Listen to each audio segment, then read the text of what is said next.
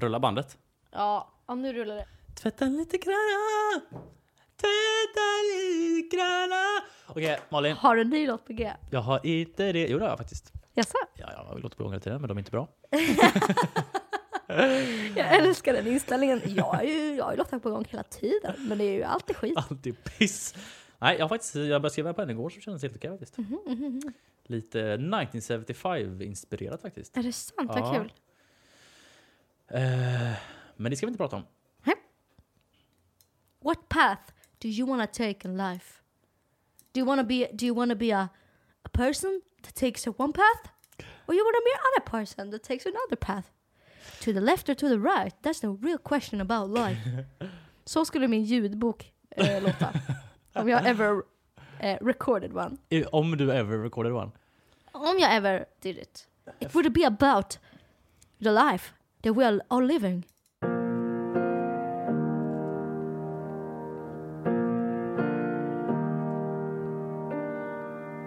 Varmt välkomna till det sjunde avsnittet av Högt bland molnen. Mm. Mitt namn är Malin Svärdman. Jag heter Oskar Larsson. Och eh, ja, vi sitter här ännu en vecka. Mm. Och vi vill verkligen ta tillfället i akt tror jag. Och tacka så hemskt mycket för att ni eh, har oss i lurarna varje vecka in och, in och ut. Ut och in. Eh, dag ut och dag in. Ha sig lurarna ut och in. ut och in. Det blir inget bra. Får får jag visa dig en grej Malin? Ja. Eh, men- men- ah, kan ju inte visa mig snoppen? Fy fan. I've got a boyfriend. Eh, nej, men du ska bara kolla, det är lite prickar här på som jag tänker att det ska Oskars finna. mamma, jag hoppas att du är djupt, djupt besviken nu. Nej, men det går ju ingen sport på tv längre. Mm. Eh, så var det en kompis som bara skickade en länk. Han bara, kolla på det här. Marble Circuits, Marble Fubeca. Vad är det här? Berätta lite vad du säger. Jag vet inte vad jag ser just nu. Eh, någon form av kulor. Det är ett lopp med massa kulor. Åh nej, vad roligt. Okej, det är en liten bana där det rullar eh, små kulor. Alltså, spelkulor, så- liksom. Eh, och de är olika färger så att man kan liksom följa de här. Jag antar att det här är på riktigt och att man kan typ satsa pengar på det här. Det vet jag inte, men det är, det är liksom en, en jättesatsig så här, bana. Och så har de en så här scoreboard så man kan följa vem det är som leder i loppet. Nej, vad Och det är roligt. kommentator som snackar. Och det sjuka, jag har kollat på det här så jävla mycket den senaste veckan. Jag har min favorit, Black Pirate. Det går ett lopp i veckan. Varje lördag går det ett lopp. Då är det ny, ny, har de byggt en ny bana liksom. Men är det här endast för att, eller har det här uppkommit nu eller är det en grej som, Nej, det har funnits ett tag. nej vad roligt. Men det, alltså, det är sjukt beundrarframkallande. Och så typ, jag älskar hur kommentatorerna så här pratar om kulorna som om de vore människor typ. Typ så bara, ja men Golden Piston, ja. han har haft en tuff säsong i år liksom. Han har kommit fyra och femma nu det senaste. Men ja, nu ligger han etta. Liksom. Alltså vad roligt, vad roligt. Ja, det, jag ville bara visa Men det där det. måste ju bara vara helt eh, på eh, slump. Alltså jag menar alla kulor är Mm. väl likadant slipade eller liksom. Det där får en att tänka ganska mycket på, på just slumpen. Alltså så här att Mm. på ett sätt är det slump. Men vad, vad, är egentligen definitionen av slump? För att det beror ju helt på, det är ju matematik eller fysik hur de studsar mot väggarna, vil- vilken som kommer ner först. Men klart, det är, det är omöjligt för oss människor att veta innan vilken som kommer komma ner först. Men, Eller hur? Någon kommer ju komma före. precis, men skulle, du, skulle du starta ett lopp igen med exakt samma förutsättningar, alltså med samma, att ingen vind eller så här, då skulle det sluta exakt likadant och då är det ju ingen slump egentligen. Och då får man tänka på, okej men hur, hur funkar, alltså är livet också så? Nu ska, nu, ska, nu ska inte jag gå in på det här, men det finns ju en, en eh, jag vet inte vad det kallas, eh, det kallas någonting det här med att man tror att livet är förutbestämt liksom. Det, determinism eh, eh. eller något så här. Jaha, inte ödet. Nej, ödet, ja, nej, ödet är väl lite mer spirituellt tänker jag. Ja. Nej men typ att så här, Big Bang hände och sen hur atomen och allting studsar, allt är liksom mer förutbestämt. Det, det, det, är ju kaos men, men hade man gjort exakt samma sak så hade exakt samma sak hänt igen för att det finns liksom, det går inte att räkna ut med våran kunskap men att allting som händer, att alla ord vi säger nu, det, det är inte våran fria vilja. Utan det är bara, det bara händer för att atomerna studsar Men då ett stämmer ju min sätt. teori om det här med att man inte skriver sin egna musik. Att det Mm. är något som bara kommer. Mm. Eh, jag är ingen sporttyp i vanliga fall, men, men jag skulle kunna bli hooked. Ja. Jag har Ja. försökt att få med mig lite, lite, lite, vänner på det här. Jag tror jag kanske har fått... Men jag, ska, Du, jag, ska tror, ge, du tror kanske att du har förlorat kanske lite mer jag har förlorat fler vänner än vad jag har fått, men det, det är det värt. Jag vill inte ta åt mig äran för att upptäcka detta utan det var min kompis. Men man kan söka på typ Few Beckas Marble Run. Wow. Hett tips. Tips. Då kommer jag med ett annat hett tips. Mm. Gills veranda. Ja. Lite sen på pucken är jag, men, eh, för det är redan igång. Jag tror att det har sänts redan på tv. Men det finns på Play. Och jag såg första avsnittet av TV4 Play eller? SVT Play. SVT Play. Och jag såg det första avsnittet av den nya säsongen. Det är med Miriam Bryan. Annars finns det här med Amanda Wern och Mauro Scocco och massa eh, nice avsnitt. Men första avsnittet av den nya säsongen är med Miriam Bryan och hon pratar supermycket om kärlek och eh, liksom hur egentligen varenda countrylåt handlar om det och även Mm. alla andra genrer också. Speciellt hennes låtar och sådär. Och jag har insett att det här är min typ av program. Jag har ju sett gamla säsonger, Ja. men alltså, gud vad jag bara, eh, varje säsong så känner jag bara, this is, this is good television. Och dels är det för att jag tycker att det iscensätts väldigt snyggt, eller filmas väldigt fint. Också typ det här typen av intervjuformat, om man säger så. Det är mer att de sitter och chillar och tar en öl på hennes porch och snackar om livet och inte typ att Miriam Bryan kommer till Gills hörna på TV4 där hon Nej. sitter i en knackig soffa Men bor hon i typ Nashville eller? jag har ingen aning riktigt av vad hon har för relation till det här huset de är i, men, Nej. men hon, man ska nog uppleva att hon bor där lite på deltid. Aha. Eh, Och hon har hönor och hon har lite kaniner. Och, I Nashville. Ja, det ligger i Nashville? Ja. Ja. Så hon har ett vitt, stort hus med en stor veranda eh, som är lite så här inhängd med ljusslingor. Du skulle gilla det. Ehm, Och eh, bjuder dit då. De så anländer på kvällen, du vet det är lite sent, de kommer från flyget och bara ser Nashvilles ljus i mörkret och bara ah, jag ska försöka eh, ta reda på. Och de, de har fått ta, tagit med sig en varsin eh, bucket list. Så att de ska typ skriva upp tre, fyra saker som de vill göra när de är där. Och Miriam, jag har ju bara sett avsn- ett avsnitt då, och hon eh, vill typ tatuera sig, hon vill sjunga eh, I will always love you med Dolly Parton någonstans. Och eh, jag tror, jo, hon vill träffa typ lite lokalbefolkning. Så då ser så här Jill till att göra de här grejerna. Så att hon drar med henne till någon pub i, i, i närheten. Hon eh, styr upp en spelning med henne och eh, hon eh, fixar en tatuerare. Mm. Så att det är så här, och, och sen har ju alla lite olika grejer som de eh, vill göra. Blir, att- blir liksom huvudfokuset på programmet kring de här bucket list-grejen? Eller är Ja. det kring samtalen mer? Eller är Ja, samtalen bara det, mer då, jag, jag tror att de går liksom? ihop lite. Ja. Därför att eh, hon, Miriam, hon tatuerar in en text och då finns det en tanke bakom texten och det visar sig vara en låttitel och då sjunger hon den låten. Alltså det är väldigt Mm. Men är, inbakat. är det typ som, vad heter det, eh, ja men vad, heter det här, den stora musik, eh, Så mycket bättre. Så mycket bättre? För där har de också så här att de gör aktiviteter på dagarna. Jo, är det typ jo, mots- men det, är, är, det är, är det så uppstyrslat eh, jämfört med det här. Ah, okay, det här Alltså hon går in på en bar och sitter och dricker öl med en gamla amerikan utan tänder. Mm. Det är liksom det avsnittet. Alltså, så det är väldigt easy going och typ bara om jag scrollar lite här på bara vad folk tar upp i andra avsnitt så ehm, är bland annat Shima Niavarani, Niavarani en skådespelerska Mhm. som är med. Eh, hon är med i bland annat En del av mitt hjärta med Thomas Ledin. Hon typ eh, vill träffa Trump-supportrar och hon vill eh, se hur eh, någon familj som, som lever i Trumps politik Mm. lever just nu och sådär. Även om, om Miriam Bryans episod handlar om kärlek och hon vill gå och tatuera sig så kan någon annans episod handla om så här, äh, amerikansk politik. Så att så här, Ah. det är väldigt snyggt invävt i typ så här, vad folket i Nashville tycker och det intervjuas lite hej och hå. Och eh, det är bara en nice vibe. Eh, Det jag menar är väl typ att intervju, alltså intervjuklimatet är väldigt nice. Mm. Ehm, och känns inte så uppstyltat, även om det absolut är det. Alltså, så här, Det behöver det nästan vara för att det ska bli en bra produktion. absolut, liksom. Annars blir det bara, göras- jaha vad pratar de om? Alltså, Men det kan ju ändå göras på ett äkta, så äkta som möjligt. Ja. Liksom. verkligen. Så att det är mitt lilla tips. Ja. Eh, och jag tänker så här, den dagen Gillan går i pension, Mm. SVT, ring mig. Ni har ju redan hört vilken trevlig röst jag har. Jag är duktig på intervjuer. Jag kan säga så här, hej Oskar, hur mår du? Hej, bra I tack. alla fall. Eh, och, nej, men gud vad jag bara vill gå runt i boots och cowboyhatt i Nashville och så här ha lite heta eller haspin artister som kommer till mig i Nashville. Mm. Skulle du kunna tänka dig att eh, komma och hälsa på? För det är oftast folk som inte kan så mycket om country som kommer och Jag hälsa varit på. på tal om Miriam Bryants avsnitt Mm. så pratade hon mycket om kärlek och eh, hon nämnde också att hon inte skriver liksom om andras händelser utan hon skriver väldigt självbiografiskt. Och att hon prata om att det lätt blir att då kanske man aldrig riktigt går vidare utan man sjunger om samma, samma grej. Hon sa typ att jag har skrivit ett, ett helt album om en och samma jävel. Alltså så här, och så skämtade hon lite om det. Men att hon menar på att hon kanske fastnar ganska mycket i samma händelser, samma personer och sådär. Och att hon kanske borde bli eh, liksom, duktigare inom parentes. Eh, men jag tycker inte att det är någonting eh, negativt med att skriva om, om självupplevda saker. Men jag kan förstå henne med att känna, den här känslan att aldrig komma vidare. Och då undrar jag, eh, kan du känna att du skriver om samma sak hela tiden? Ja, nej, men jag, alltså, jag, jag skriver absolut 100% om egna upplevelser. Alltså så här, jag skriver aldrig om andras upplevelser. Mm. Jag har eh, sällan noll connection till det. Alltså som jag varit inne på innan, att alltså, när jag skriver så måste jag verkligen känna någonting. Mm.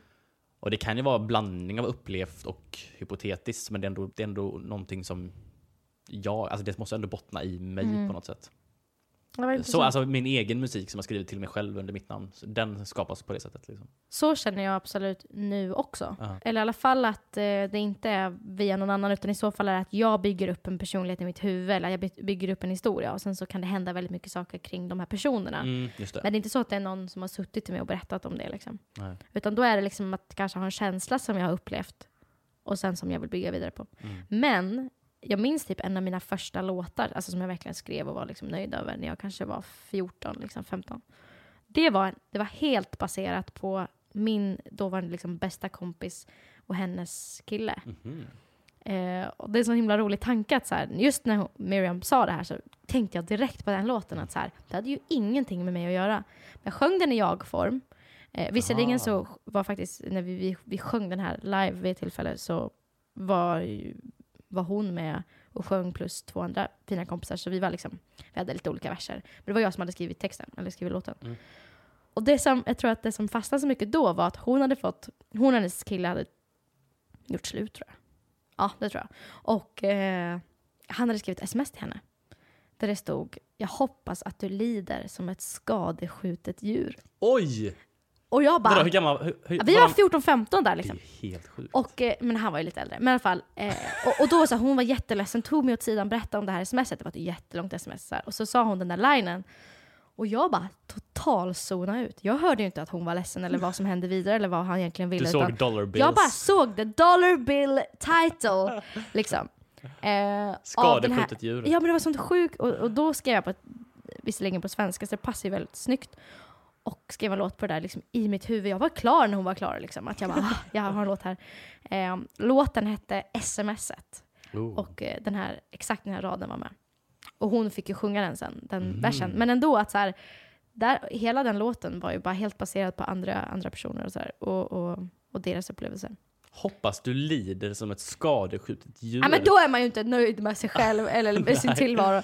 När man liksom bara blir, blir så här, nej jag vet inte riktigt vad som hände. Men eh, Men, men det du var inne på det här med, ibland när jag skriver, jag har inte tänkt på det här innan, men ibland när jag skriver så kan jag börja med att skriva i typ så här, men typ i du-form, eller så här Mm. att det är någon annan som har varit med om en grej. Och att tänka att det är ett sätt för att jag ska kunna gräva djupare i mig själv, men jag skriver att det är du som har varit med om det här. Men sen när jag typ är färdig, då brukar jag säga, ja, men vad händer om man byter ut du mot jag igen? Nästan alltid så blir det, ja men det här är ju, är ju starkare liksom. mm. Jag tycker nästan alltid en, en låt i jag-form är starkare än en låt i, i, i så här, ja, men du har upplevt det här eller, Eller de. eller, eller de eller han eller hon upplevt det här. låtar som verkligen så här, känns bra för mig, som jag också kan höra andra göra och också, är låtar som går att tolka på flera plan. Mm. Som kan ha parallella historier, eller liksom som, som kan tolkas på olika sätt. Jag håller helt med. Och därför kan jag uppleva att det finns en viss, liksom, den, den lilla downsiden med att skriva för personligt. Alltså man skriver någonting som är så här super självupplevt. Eh, och sen så ska man spela den och sen så upplever någon annan att den eh, handlar om någonting annat och så kan det bli liksom ett twist där. Eller att, att, att inte artisten eller den, den som sjunger låten tillåter eh, fri tolkning typ. Eller nu låter det som att någon sitter och bara Nu kommer min nästa låt och den får ingen eh, liksom eh, tro att den handlar om någonting annat utan den handlar om det här. Det gör ju ingen. Men du förstår lite vad jag är inne på det här med att det kan bli för riktat också, Att, att den inte... en låt. Ja. Och att det därför är skönt när man hittar låtar som man bara Wow, den här är bra på så många plan. Mm, Den kan handla om det här, men den kan också handla om det här. det älskar jag. Vi höll på med ett projekt i skolan under min utbildning och då var det en kille som behövde intervjua två låtskrivare. Och då intervjuade han mig och en annan kille. Och så var det lite frågor som eh, vi skulle svara på. Och då, den här ena killen då, hans svar tyckte jag var så jävla bra. Han pinpointar exakt det jag menar med det jag sa precis. Frågan är, vem inspireras du av och varför? Ja. Och eh, då skrev han så här. Personer som lyckas skriva och förmedla känslor som är så otroligt äkta och ger ett sken av total utblottning. Men ändå lyckas behålla sin integritet och mys- mystik. Mm. Ja, det där är ju en konst. Det är en lång mening, men förstår, Ja. förstår du vad han menar? ja, att så här, verkligen. man tror, man lyssnar på en låt och så bara Oh my god vad den bara öppnar upp sig. Och sen Mm. inser man, den sa egentligen ingenting. Nej. Tänk där så är- här John Mayer typ. Han har ju sjukt så här utblottande låtar. Och sen när man lyssnar på texterna så bara jag vet ingenting om hans privatliv. Nej, exakt. Men för en sekund där, för tre minuter där, så kände jag att jag stod i hans vardagsrum. Mm. Det är jättebra. Jag tycker det, där, det är lite likt eh, någonting som eh, en av mina gamla låtskrivarlärare har sagt. Alltså man, man vill skriva en låt som känns så att lyssnaren känner att det här, det här handlar verkligen bara om mig. Och att det känns supernischat. Bara, det här handlar ju verkligen bara om mig. Ingen annan kan förstå det här. Men att typ alla känner så. Att man hittar någonting så specifikt så att alla känner att det här är specifikt till just mig.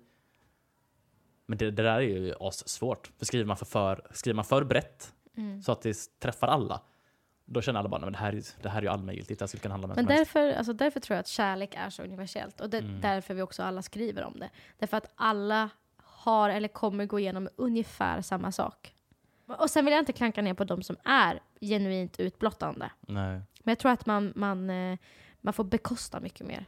Ja, vad, vad, är, vad, är, vad kan vara nackdelen av att dela med sig? Alltså att vara för, att vara för utblottande? Nej, men jag tänker om man tar bort hela så här melodispråket och hela ackorden och så här. Då är det som att skulle du vilja skriva ut till eller sk- skrika ut till hela världen om nå- någonting som har hänt. Alltså det finns ju vissa saker som man känner att det här vill jag behålla för mig själv. Mm. Men känslan vill jag förmedla. Just det, det är bra sagt.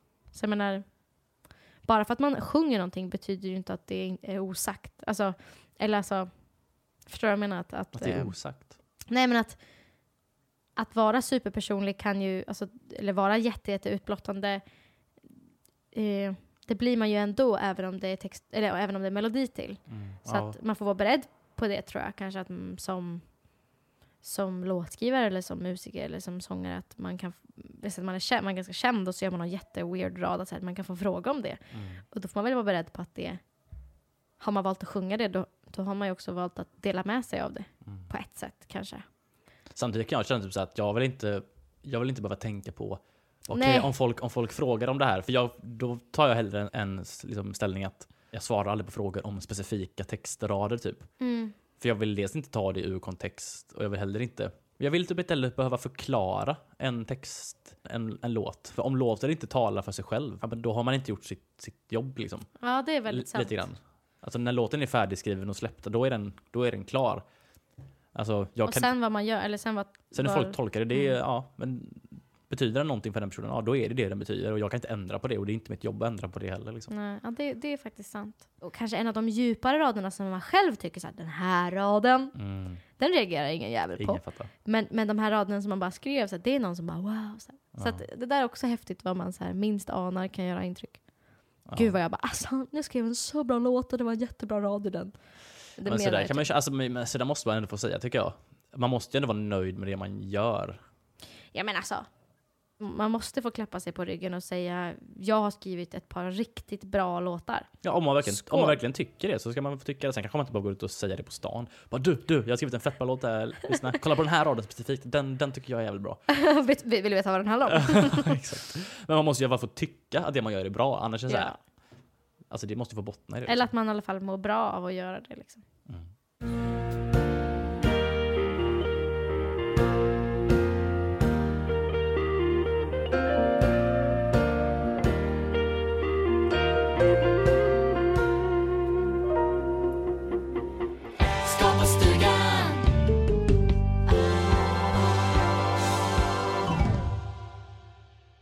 Du, du, du, du. Som ni hör är vi några riktiga musikeliter. Musicians. Välkommen upp till Skaparstugan! Jag går rakt på sak. Mm. Jag gjorde ett musik-IQ-test Oh för ett tag sedan. God. Och jag ser hur du börjar tända till här. Nu ska jag droppa lite ord här så att du kommer kanske... Är det här som ett, som ett prov? Ett musikteoriprov? Hör- Ja, men nu, Okej, förlåt. nu kommer min presentation här. Okej, okej. okej. Jag gjorde det här musik-IQ-testet för ett tag sedan eh, som är gjord av Cognitive Research-teamet på Hardward. Hardward? Hardward? Harvard eller? Hardwood? Och eh, det gick ut på att testa sitt gehör i form av så här pitch, Oh om man skulle känna av latency, om ett beat låg fel eller i takt. Och så var det mycket så här generell melodiigenkänning och sådär. Mm. Och jag scorade 117 IQ. Eh, och jag hamnade... av? Eh, men, jag vet inte av. Nej, men det är som ett vanligt jag, jag, fick, liksom. ja, men jag fick 117 Det är nog bra. eh, och jag hamnade i den 89 percentilen Oh, gällande då mitt musikaliska IQ. det är ju bra. Ja, det är väldigt bra. Ja. Men jag kan säga så här, Robin fick typ 130. Oh, så att jag är ju sämst i det här Vilken hushållet. percentil var han i då? Han måste ha varit i den 98 kanske eller någonting. Fan, Men han är ju smart. Är man sugen på att göra det här testet, då hittar man den på eh, www.themusiclab.org. Så där finns det här testet, det tar ungefär 20 minuter och det är jättekul. Och det här inspirerade mig nu eh, när jag skulle klura ut vad vi skulle pyssla med idag. Jag har nämligen tänkt att du ska få ta dig igenom ett sånt här test. Ah. för att liksom testa ditt EQ, ditt IQ. Eh, men ett helt annat test, Tack! nämligen mitt helt egenskapade test som jag kallar för Malins.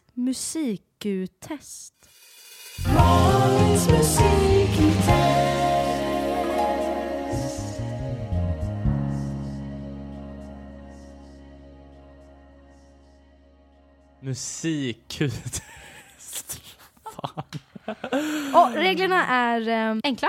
Det är A, B, C, D alternativ Okej. och allt man behöver är papper och penna och det ska du få av mig. Ja. Nu kommer det skina igenom att jag inte kan någonting om musik. Varsågod, det är hela poängen. Vet du vilken, mig vilken trög nisse du fick med att eh, se ut förra veckan? När jag, jag fick här, svara på två poängarna på På spåret. Det kändes. Och Men- det kändes som att du gjorde det med flit. Det gjorde jag inte. Tanken var väl lite grann att folk skulle kunna hänga med. Ja, ja, ja. Men eh, så eh, har Så- inte jag tänkt inför mitt test. Utan Nej, okej. mitt test handlar om att jag kan alla svar och du kan inga. Du är alltså ännu värre än mig då. Eller hur? Man får inte ringa en kompis, man får inte fråga publiken. Publiken! Hallå? Allt man behöver är ju då papper och penna. Och man får ju jättegärna vara med där hemma. Mm. Så kan man höra av sig och, och bara så här, precis som jag fick reda på att jag var i den 89 percentilen. Då kan man höra av sig och säga att man var bättre eller sämre än Oscar Larsson. Fråga nummer ett. Okej. Vilket ord härstammar ordet musik ifrån? A. Musa. Är det B. Muskel? Är det C.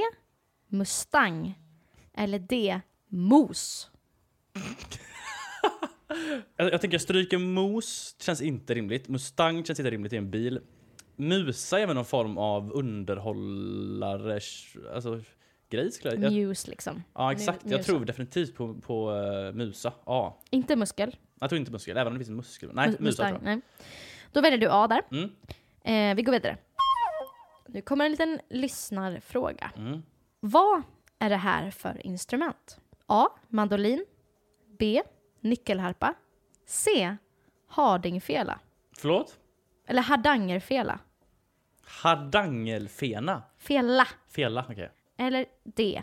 Piano.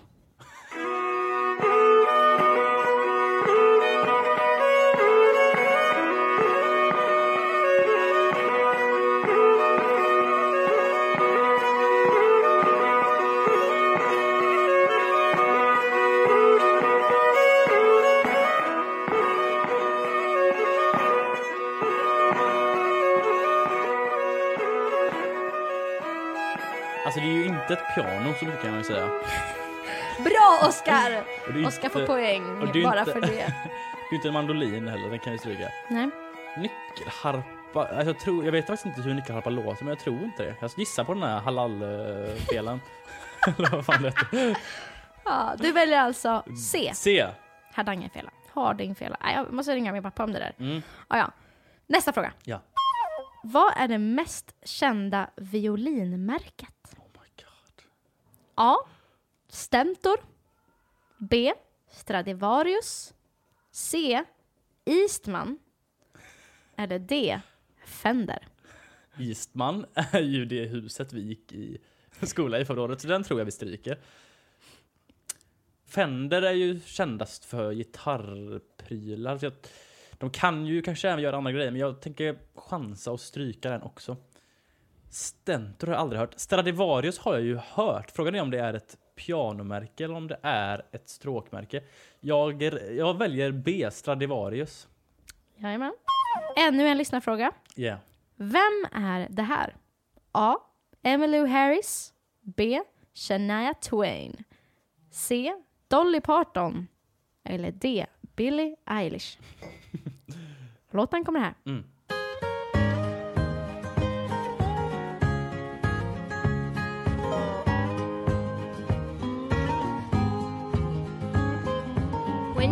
Love somebody with all your heart and soul, and you want to keep them with you, but you know they want to go. What do you do? What do you say when you know they want to leave as bad as you want them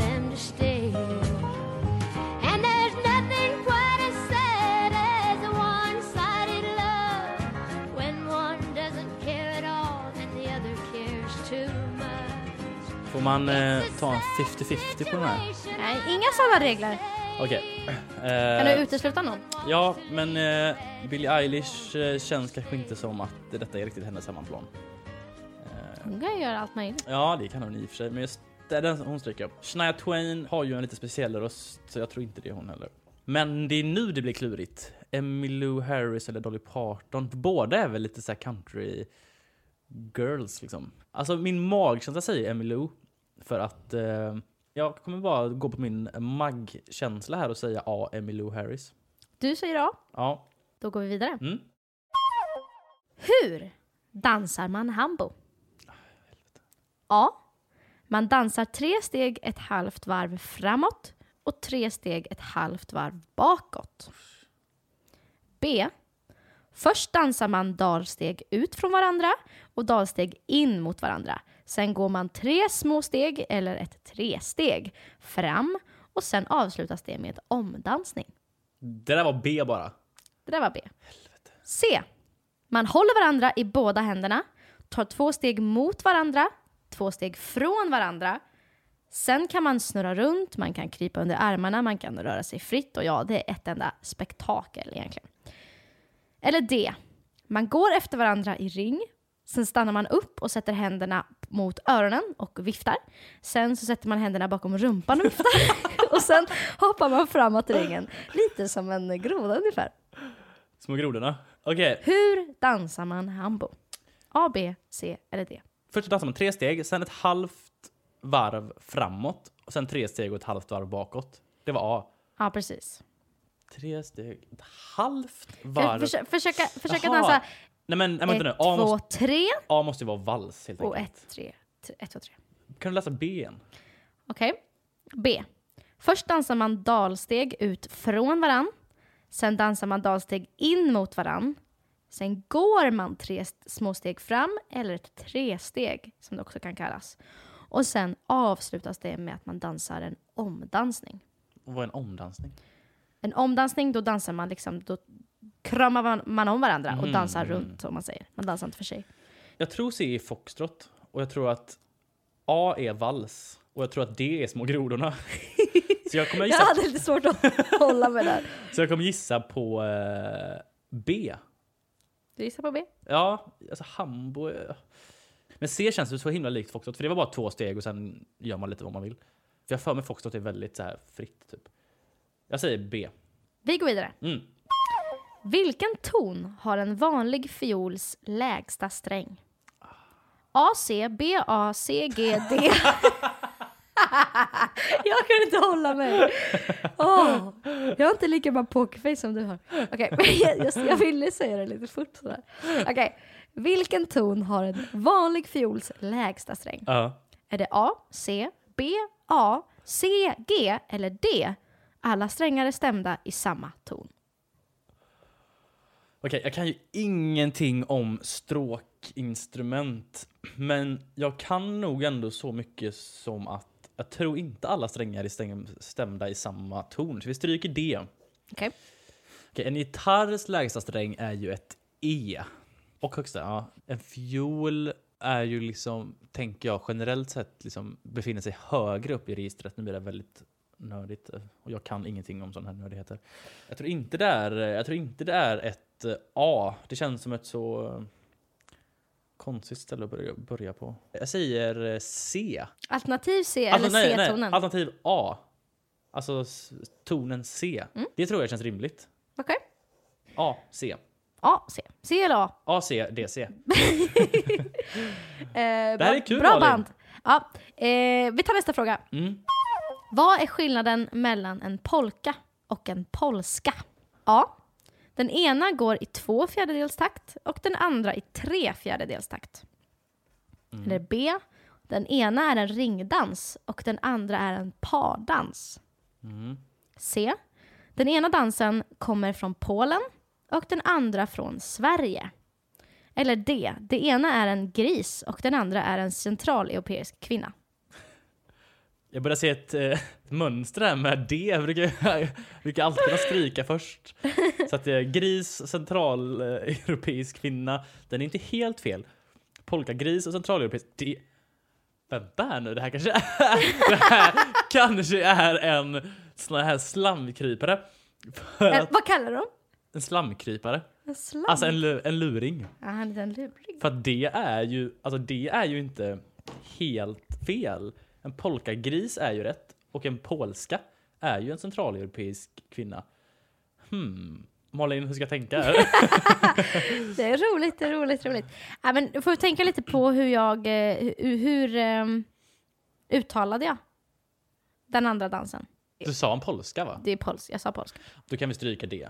Alltså, Fick du mycket hjälp här Ja, det fick jag. Men vi stryker, mästare? vi stryker gris och eh, centraleuropeisk kvinna. Den ena från Polen, den andra från Sverige.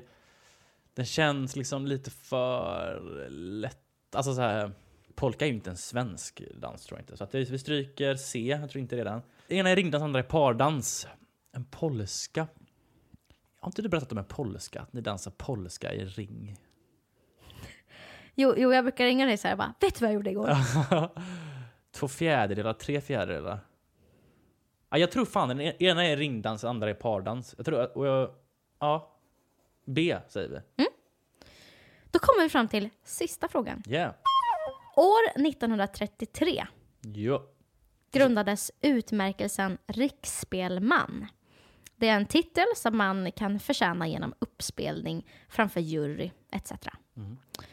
Då undrar jag, hur många riksspelmän lever idag i Sverige? Oj. Currently liksom. Okej, men, kan, vad är motivationen för att få det då? Man behöver vara en skicklig folkmusiker. Man ska liksom besitta en typ av teknisk skicklighet och ha speciell kännedom om eh, kanske spelstilen i, en viss, i ett visst landskap i Sverige och sådär. Nej, så här kan jag inte säga! Alltså, du mjölkar Va? information ur Men jag sa, jag vet inte. Du får inte någon mer information. Okej. Hur många riksspelmän lever idag i okej. Sverige? Ja. Försök inte. Nej men jag frågar bara, jag vet inte. Är det A. Över tusen stycken? Mm. Är det B. Cirka 300 stycken? Är det C. Det lever inga riksspelmän, bara 25 stycken riksspelskvinnor. En från varje landskap. Eller är det D. Var tredje svensk är riksspelman, alltså cirka 3 miljoner av Sveriges befolkning. Jag tror inte det är var tredje person. Jag tror inte det finns tre miljoner riksspelmän. Det, så vi stryker den i vanlig ordning. Tyvärr så tror jag inte att det är så att det bara finns riksspelskvinnor. Eh, för att så ser branschen ut för det mesta, att det är oftast män. Eh, så jag stryker C med. Då har vi 1000 eller 300 där. Som jag står och krigar mellan. Krigar. Eh, vad kan vara Vad är rimligt? om jag tänker tusen, vi är ju 10 miljoner. Har du träffat någon... Men jag umgås ju inte i folk. Du är den enda folkmusikern jag känner. Är jag riksspelman tror du? Det tror jag inte. Tyvärr alltså. Vad snabbt du svarar! Det känns som att man måste vara typ över 50 för att kunna bli en riksspelman. Nej, det tror jag inte man måste bli. Men, men du har lite gett upp på ditt folk... eh, Jag tror att Åsa Ginder är riksspelman. Jag tror hon blev det när hon var 16. Aha. Det där kan vara helt påhittad information. Men tu, okay, vi är 10 miljoner. Hur många promille är tusen. 100 000 är en procent. 10 000 är en promille va? Mm, det där kan inte Nej, det jag spelar, spelar inte så på. stor roll. Tusen stycken eller 300. Min magkänsla säger A. Tusen. A. Över tusen stycken. Eh, ja. Mm. Ah! Nej, Det kan, fan. vara, det kan ju vara tusen än i så fall. Nej, vi kör 300. B. Jag byter. Tre, B. 300. Då var du i mål! Oj! Okej, du får rätta eget papper. Jag tänker Ja. att vi, kommer, vi ska gå igenom. Jag är sjukt taggad på att veta det här nu. Du har varit jätteduktig. Har jag det? Jag tänkte att jag skulle göra ett riktigt så knepigt test, men du har varit väldigt logisk i ditt tänkande. Ja. Så det har gått ganska kul. bra för dig. Hoppas det har gått bra för er där hemma också. Mm. Eh, vi tar från början.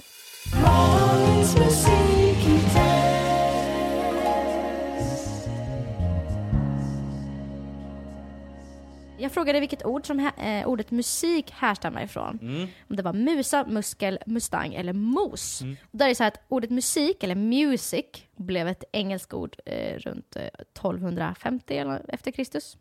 Det kommer från det franska ordet musik, som kommer från det latinska musical, musikal, ja, ja, som kommer från det grekiska musikos. Vad i helvete? Som refererar till vilken konst som helst som bestämdes av Sus nio döttrar som skyddade konsten back in the day. Sus 9. Ja, och det var ju då eh, de var ju väldigt kända och kallades för the muses. Så musa är rätt svar. Eller hur? Lång utläggning om vart musik kom från. Hette samma sak överallt. Så Grekland. rätt svar, är, rätt svar är alltså A. Ja! Ja. Sen kommer nästa fråga då du fick höra en liten trudelutt. Mm. Och då frågade jag vilket instrument det var. Och då fr- frågade jag om det var mandolin, nyckelharpa, hardangerfela eller eh, piano. Mm. Och rätt svar är hardangerfela eller hardingfela.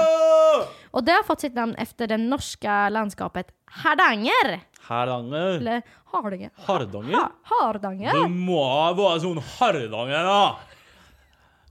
Hallå? Du Nu offendade du precis mina tio norska Du kompisar. må spela sån uh, Hardangerfela då! Sån halalfene. Spela dina kompisar sån halalfene.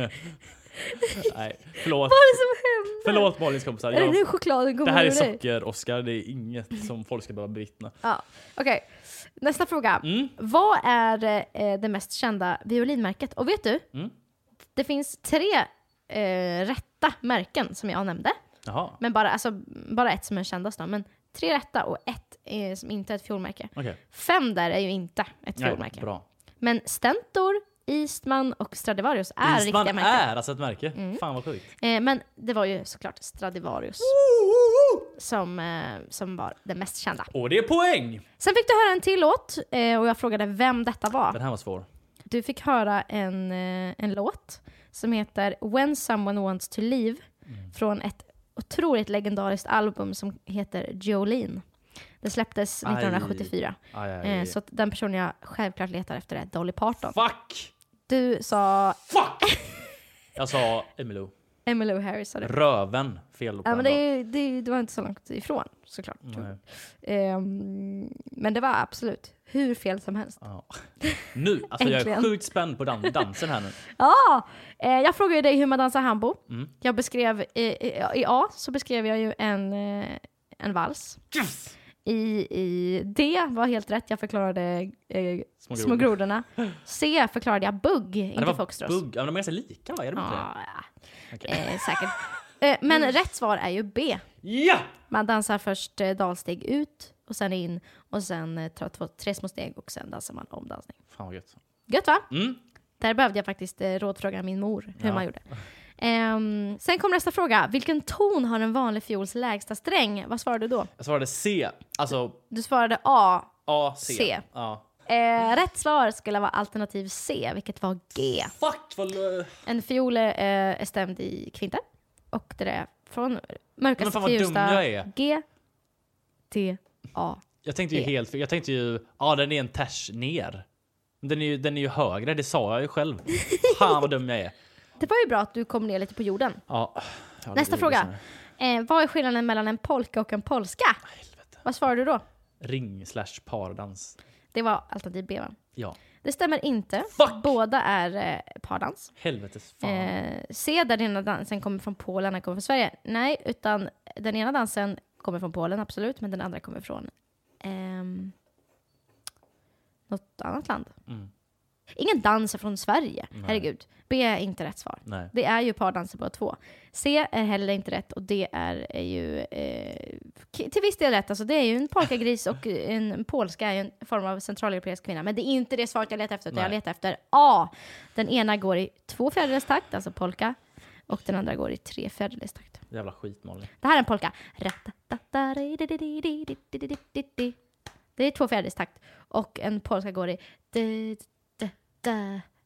en, två, tre, en, två, tre. Snyggt va? Jag skulle beskriva polska. Ja,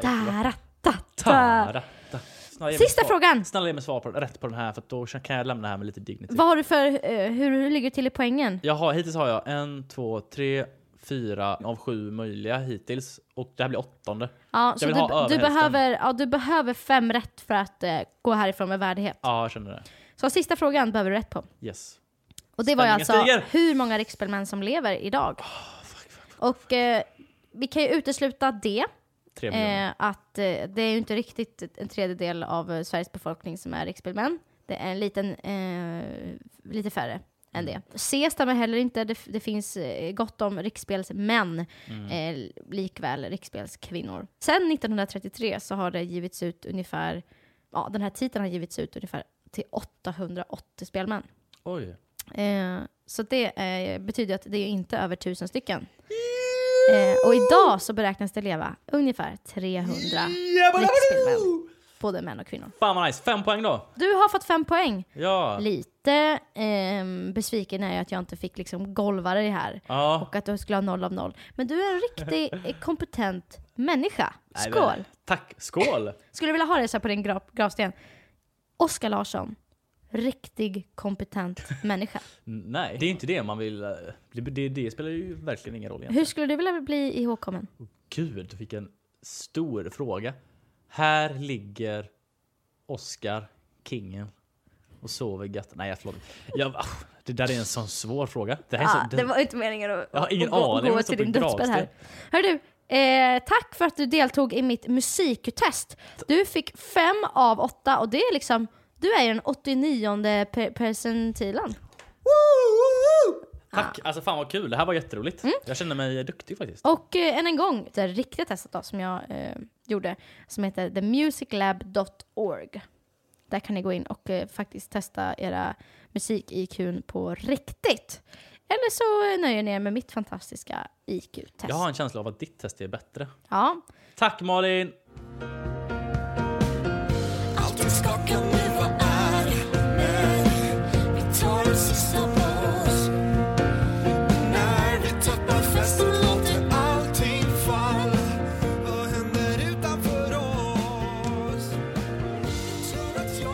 Men jag tänker på corona.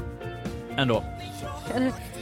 Din brud som du träffade när du var utomlands. Tänk på corona. Corona, kom ut ikväll.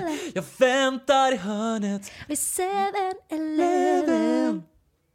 Fy fasen vad okänsligt. Det har ju blivit så jävla tydligt nu. Både du och jag har ju blivit eh, påverkade av corona rent ekonomiskt. Eller hur? Tala för dig själv. Okej, nej, nej men Skojar. nej men. Det, Det blir, stämmer, det stämmer. det blir så tydligt på något sätt vilka yrken som är livsnödvändiga. Alltså butiker stänger, restauranger typ stänger och så här. Bara de grejerna som faktiskt verkligen, verkligen behövs, de håller kvar. Typ vården. Vården kan inte bara stänga bara, nej det är corona, vi stänger. Mm. Alltså så här. Och typ alltså skolorna fortsätter i viss mån. Matbutiker, apotek, alltså sånt som verkligen måste finnas för att vi ska överleva. Det får mig i alla fall att typ tänka lite grann på vad är det för samhälle vi egentligen lever i där vi har så sjukt mycket onödiga inom citationstecken. Alltså nu kommer man trampa folk på tårna. Nej, men jag förstår det, vilket, du, men, du menar ju egentligen livsnödvändiga.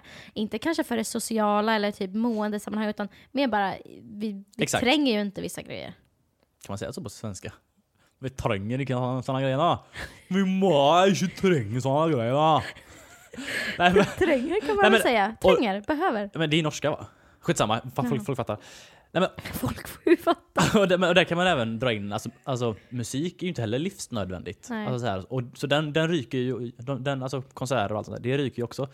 Vad vill jag, alltså, vad vill jag komma med? Alltså för, för, för livskvalitet är ju en sak. Exakt. Men för att liksom, vi ska överleva som human beings, så Mm. nej, så är det mycket som vi kan. Men precis, men även Utesluta. då. Men det är bra att du tar upp det, för även då, om man skulle, skulle lägga till det som krävs för lite livsglädje, har vi, en, har vi inte ändå gått över den med råge? Den här gränsen. Alltså okej visst, alltså, säg så här, ja, men, kultur bidrar ju till livsglädje, så den, den kanske kan finnas kvar i, i viss mån. Men sen tänk, tänk dig precis alla jävla klädbutiker. Mm. Behöver vi alla de här klädbutikerna egentligen för Mm. att må bättre? Ah, Jag vet inte, behöver vi alla de här restaurangerna för att må bättre? Jag tror att Mm, i och med att vi nu lever i en värld, alltså i alla fall västvärlden, där vi har så otroligt mycket val. Mm. Jag tror att det är svårt att gå från att ha oändliga val, oändliga butiker, oändliga möjligheter till att eh, bara plötsligt ha en klädbutik. Ja, men exakt, och det, här är, och det här går inte att applicera egentligen på den världen vi lever i, utan det här är mer bara ifrågasätta hela. Mm. Alltså nu tar jag ett väldigt stort fågelperspektiv och bara ser det här utifrån. I det liksom system eller samhälle vi lever i, då, då är det så här det är byggt. Alltså, Mm. Det är ett, ett kapitalistiskt samhälle där det funkar så. Liksom, att ju mer det är bra för ekonomin att vi har massa olika val och det gör ju också att, att vi mår bättre för vi får mer pengar och då kan vi, liksom, då kan vi göra grejer som får oss att må bra. Men, men, men ändå, alltså jag, har, jag, jag är ju medveten om allt det. Är det inte ett jävla överflöd av grejer? liksom? Ja men det är det ju verkligen. Alltså, Det här har ingen, egentligen ingen koppling till så här på att ah, nej, vi borde, vi borde stänga ner alla butiker, vi borde stänga ner restauranger. Det är inte det jag menar, för det, det, då kollapsar ju det ekonomiska systemet. Det är inte det jag menar, utan det är mer bara att det blir en sån ögonöppnare att när vi får en sån här lite lockdown, mm. att det faktiskt går att stänga ner allting och att man kanske inte riktigt saknar det. det var ju ändå inte livsnödvändigt. En annan grej som man också inser i sådana här tider är att vi har ju byggt ett samhälle nu där vi har gjort oss så jävla beroende av att saker bara funkar. Och så, så vi har Mm. lämnat ifrån oss ansvaret att alltså typ fixa egen mat. Ingen jag känner fixar sin egen mat. Alltså de går till affären och handlar. Så Mm. vi är beroende på att det finns matbutiker som sköter hela den grejen åt oss. Och vi är beroende av, alltså vi är så sjukt beroende av internet nu. Och så säga bara, ja, men det ska bara funka också. Eller hur? Och vi är beroende av ja, men vatten från kranen. Det är någon som ser till att det fixar. Vi är beroende av vår bostad. De flesta i Stockholm i alla fall hyr ju bostad. Så vi är beroende av att, ja, att, kunna, att vi får bo kvar där så vi inte blir uppsagda. Liksom. Mm. Vi har liksom outsourcat så mycket grejer av, våran, av det som vi faktiskt behöver för att överleva till någon annan för att vi ska få mer tid till oss själva. Mm. Eller för- att alltså göra det- alla de här sakerna som egentligen inte är livsnödvändiga. Exakt, men precis. Det, och det är lite det jag vill komma till med. Så här, för vi fångar inte vår egen mat. Och det sparar vi fett mycket tid på. Och vi fixar inte vårt vatten. Vi går inte till en jävla bäck och hämtar vatten. För det sparar Mm. också massa pengar, alltså tid och pengar på sådär. Men vad gör vi med all den tiden som vi sparar då? För jag menar, så ser det ut i många länder. Ja, alltså, och så har det sett ut liksom i alltså den större delen av människans uppväxt är att ja, men man, har, man har klarat sig själv, kanske i alla fall i en, i en liten by. Liksom. Den här gruppen med människor kanske går ut och jagar, den här gruppen med människor kanske går och, sam, går och samlar liksom, bär. Den här gruppen gör liksom, kanske kläder typ. Men det är ju så att alltså, världen blir ju mindre ju större samhällena blir. Alltså Mm. om, om, om vi skulle ha ett samhälle, du och jag och Robin, på tre stycken, och så gör alla andra det, då hade vi haft sjukt många samhällen och jorden skulle kännas väldigt, väldigt stor. Jag menar, i och med att vi är länder, vi är eh, kontinenter, vi är liksom alla de här grejerna som, som tar hjälp av varandra, som importerar och exporterar och så vidare, så har vi plötsligt skapat massa tid till oss själva och där tappar jag tanken.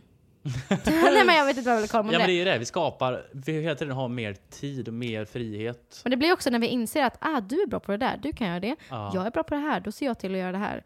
Även om vi hade backat allting och bli amish, hela världen blir amish liksom. Så att vi, så hade någon jävel bara, men nej men vet ni vad jag kom på? Och så hade vi Det är klart, för det, precis, för det, börjat om igen och gjort massa så här onödiga saker. ja. Eh, för att eh, få tiden att gå. Så att man från början då kanske man var en familj och då gjorde man allting.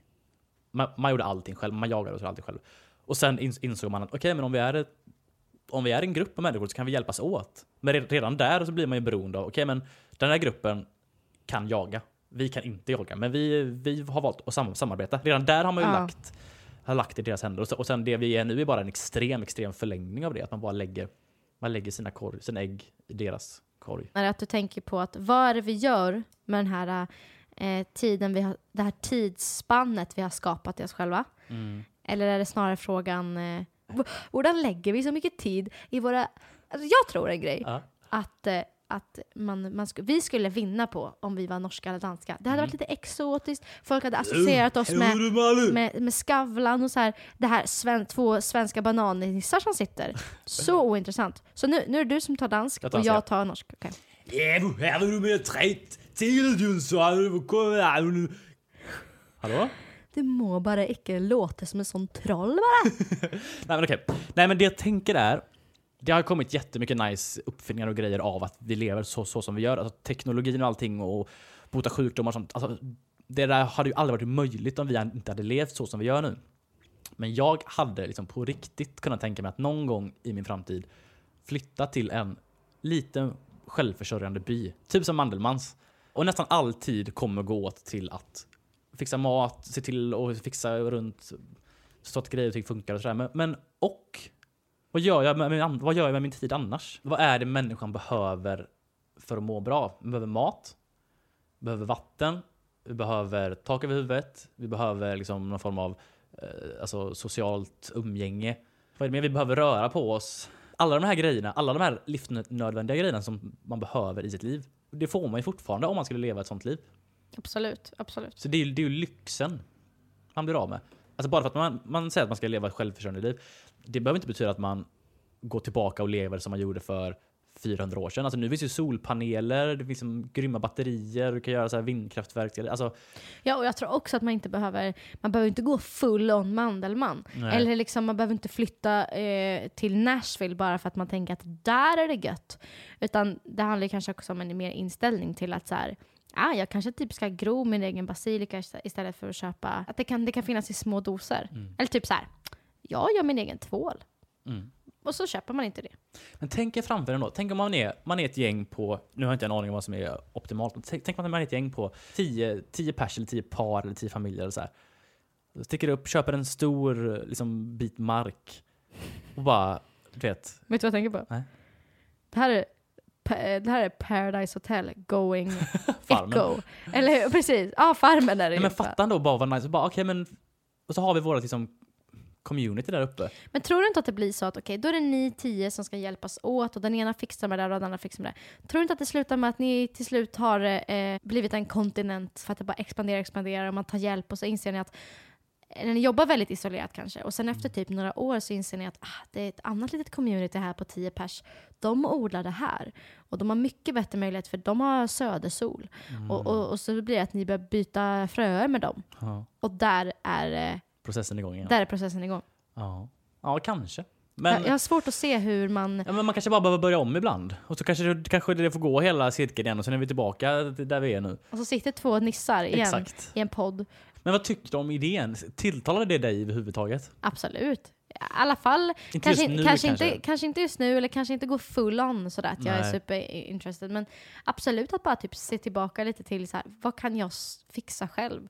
Eller, eh, eller liksom att man kan, man kan bygga någonting. Eller så här, jag, jag tänkte på att jag vill ha några snygga bänkar här ute på uteplatsen. Så bara, jag kanske ska bygga min egen bänk. Mm. Jag tror att det är något ganska så här självuppfyllande genom att bara skapa någonting själv. Jag försöker bara hitta tio personer till som kan starta den här jävla... Nej, men, och jag, det här kommer förmodligen aldrig och, hända och, mig oha! heller. och du satt nu och försökte reka lite med mig Ja. och se om intresset fanns. Absolut, Nej, gör men- på. Nej men så här, alltså jag är precis som dig. Alltså, det är klart att det är ju, en, det är ju, det är ju 50% skämt ändå. Och 50% blodigt allt. Ja, men 50% av mig vill ändå, alltså ser ändå någon gång i framtiden att det är inte en omöjlighet att jag kommer befinna mig på något, alltså, något liknande. Alltså, Men du är ju husbonden i så fall. Oskar Larsson, ja, på jakt efter lyckan. Det Mm. tror jag hade blivit ett jättebra SVT Play-program där du typ är ute i skogen och käkar barr och bara Mm. “Jag kände livet”. Jag kände livet en sekund. Och du stoppar ner händerna i jorden och bara “Det är varmt”. det där är ju jag. Fatta känslan att, att bara känna att jag kan klara mig själv.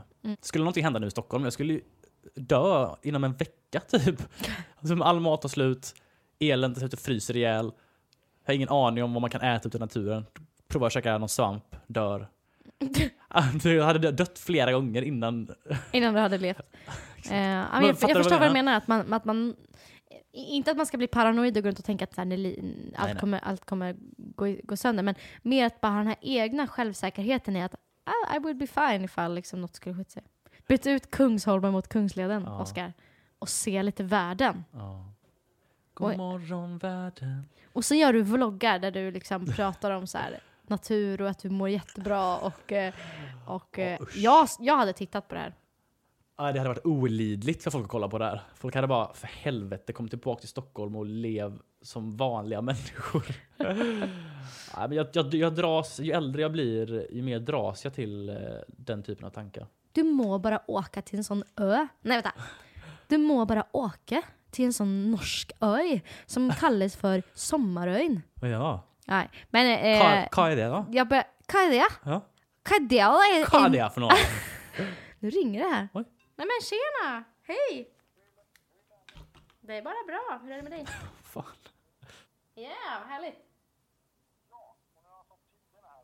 Har du förresten fått mitt sms med, med bilder på mitt körkort? Ja, men vad bra. Toppen. Och de funkar? Mm. Det märker ni sen annars på, på kör, eh, körtestet. ja, kan jag tänka mig. Ja, men toppen. Det gör vi. Tack så jättemycket igen. Tack, tack. Detsamma. Jag ber så mycket om ursäkt. Vad fan hände? Men jag var tvungen att prioritera det här över dig, Oscar. Vad var det? Var det jobb? I have gotten a job What the heck? as a truck driver in Stockholm. Uh, so all you, you, you Stockholmers out there, uh, you better be inside. Truck driver? Gonna... Ska du bli truckförare? Nej, jag ska köra lastbil. Lastbil? Ja. Va, va, va? Har du lastbilskörkort? I'm a country woman. Nej, men du kan också köra lastbil tror jag. Inte stor lastbil? Nej, men jag ska köra en liten. En sån typ eh, Circle K? eh, Ja, typ tre Det är ton. fan läskigt. Jag körde sån när jag flyttade. Jaså? Livrädd. Nej, Det här ska bli jätte, jättekul. Eh, visst, det är inte kanske drömjobbet, men eh, jag har inget jobb. Måste jobba. Cash, är det bra betalt? Eh, det är sjukt bra betalt. Är det? Eh, I och med att man kör bil inom jobbet och det är så här försäkringar och sånt. Så jag tjänar, Ah. tjänar saftiga pengar. Jag tjänar som en Norge-bagge. Ja. Norge. Men vad, vad ska du köra för grejer då typ? Eh, mat. Är det Mathem typ? Eh, det är för ICA. Det finns också andra matbutiker. Ja, men eh, jag ringde och sa There's only one store that I would like to drive. Jag menar att det här är så public service, att man måste säga att det finns också andra Jaha, du menar så. Grattis Malin! Nej men eh, jag har inte fått jobbet än, jag ska köra upp först. Jaha. Det är så himla kissnödig idag. Är du kissnödig? Man måste ha kissa på toaletten. Toaletten. Malin, det är sockret. Vi får aldrig med äta socker i sändning. Nu vet jag det att socker är lika med norsk Oscar. Vilket- Norskar! Norskarna! Det är Vilka med norskar. det är minsann norska namn. Norskar, musikku och alla andra möjliga ordlekar vi kan komma på är vad vi kallar det sjunde avsnittet av Högt bland molnen. Det sjunde avsnittet och det sjunde inseglet är ju eh, samma stavelse. Inseglet, avsnittet. Har du sett det sjunde inseglet? Nej? Vem är du? Jag är döden. Har du kommit för att hämta mig? Jag har redan länge gått vid din sida. Det vet jag. Och så spelar han schack med döden. Det är en klassiker. Ingmar Där har jag hört talas om. Mm. Ah. Oscar, du blir eh, eh, sorgligare och sorgligare Ja. för var- varje dag. Jag känner det. Nej då, då. Tack för att ni har lyssnat även denna gången. Mitt namn är Malin Svärdman Jag heter Oskar Larsson. och du har just lyssnat på högt bland molnen